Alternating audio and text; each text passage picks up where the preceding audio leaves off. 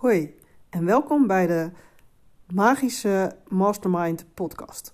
Vandaag wil ik het hebben over prijzen. Dit komt de laatste dagen ook weer vaker voorbij. Discussies daarover, artikelen die erover gaan. En uh, prijzen voor je producten, daar zitten natuurlijk een heleboel facetten aan. Eén uh, van de dingen is bijvoorbeeld hoe ga je de prijs berekenen? Gebruik je een soort van uurtarief? En zo ja, wat is dat dan? Hoe bepaal je hoeveel het moet zijn?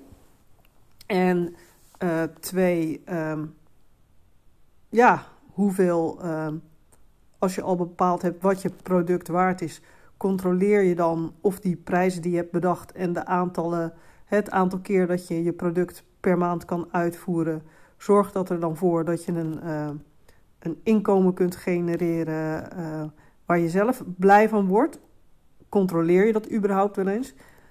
Um, ja, dus geld, ik vind het zelf ook altijd wel een uh, confronteren om daar echt, echt concreet mee aan de slag te gaan. Um, ook uh, prijzen verhogen of als een prijs niet meer goed voelt, wat doe je dan? Zo zijn er een heleboel dingen met prijzen die, die uh, spelen. Nou, en een van de dingen die ik in mijn masterplan heb opgenomen is een uh, waardeladder waarin je dus uh, berekent. Uh, hè, we beginnen met eigenlijk een vrij eenvoudige productserie om het overzichtelijk te houden. En dat is nou, een gratis weggever, die heeft natuurlijk geen prijs. Dan kan je een klein product, een, ja, ik zou zeggen je hoofdproduct en eventueel een VIP-product voor mensen die echt meer willen. Um, en dan ga je per product ga je kijken van wat, um, ja, hè, hoeveel kost dit product en hoe vaak kan ik het uitvoeren per maand en wat levert dit dan op per maand. En je hoeft niet eens alle drie die producten gelijk mee te beginnen of je kan er ook één of twee van kiezen.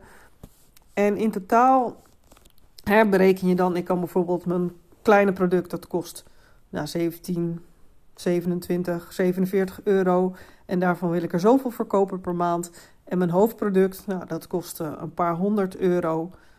Um, en daarvan wil ik er dan zoveel kopen per maand. Nou, of zoveel kopen moet je mij horen. Hij gaat lekker. Zoveel verkopen per maand.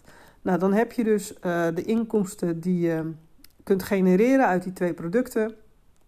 En dan is natuurlijk de vraag: levert dat genoeg op voor wat jij jezelf wil uitbetalen?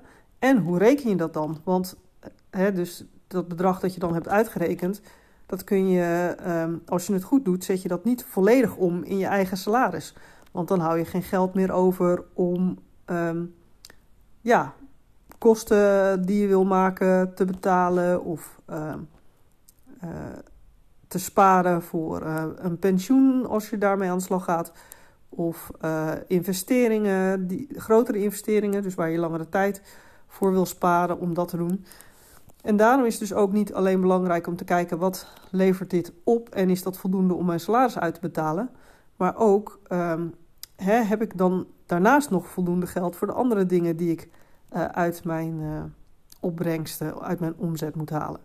En als richtlijn uh, gebruik ik, uh, en dit is een beetje gebaseerd op Profit First, of een beetje, dit is gebaseerd op Profit First, gebruik ik dat je, um, nou ja, minimaal 55%, uh, nee, sorry, maximaal 55% van je uh, omzet aan jezelf uitbetaalt als salaris. En minimaal, ja, rond de 40, 35% als je heel veel geld verdient. Maar voor de meeste mensen die hier nog in vastlopen, zal dat ergens tussen de 40 en 55% zijn van de omzet die je draait, die je aan jezelf mag uitbetalen. En ik draai dus eigenlijk een beetje om. En ik bepaal van, hè, wil jij jezelf 2000 euro per maand netto uitbetalen?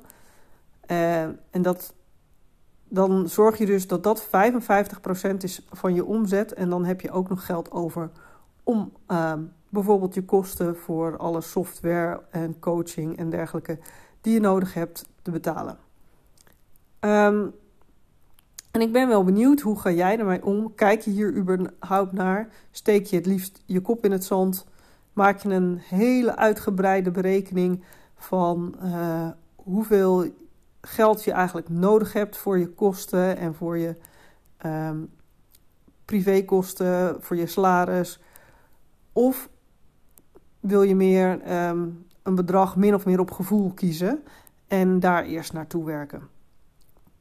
En ik merk voor mezelf ook nog iets dat met prijzen en doelstellingen te maken heeft. Ik heb inmiddels aardig wat oefeningen gedaan om jezelf uh, richting uh, een ton per jaar, um, hè, om dat te visualiseren en daarover na te denken en wat voor aanbod daarbij past.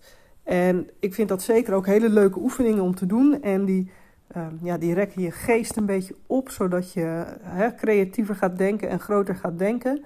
Maar uiteindelijk, in mijn ogen, de eerste stap die je toch moet nemen, is ervoor te zorgen dat je ja, jezelf een beetje een, uh, een basissalaris uitbetaalt. Waar je, uh, waarvan je het gevoel hebt dat je niet uh, de hele tijd moet bezuinigen of heel moeilijk moet doen over bepaalde beslissingen die je wil nemen. Nou, ik ben wel benieuwd. Heb jij al voor jezelf een beeld hoeveel jij jezelf per maand wil uitbetalen? Ja, is dat een bedrag? Welk bedrag is dat?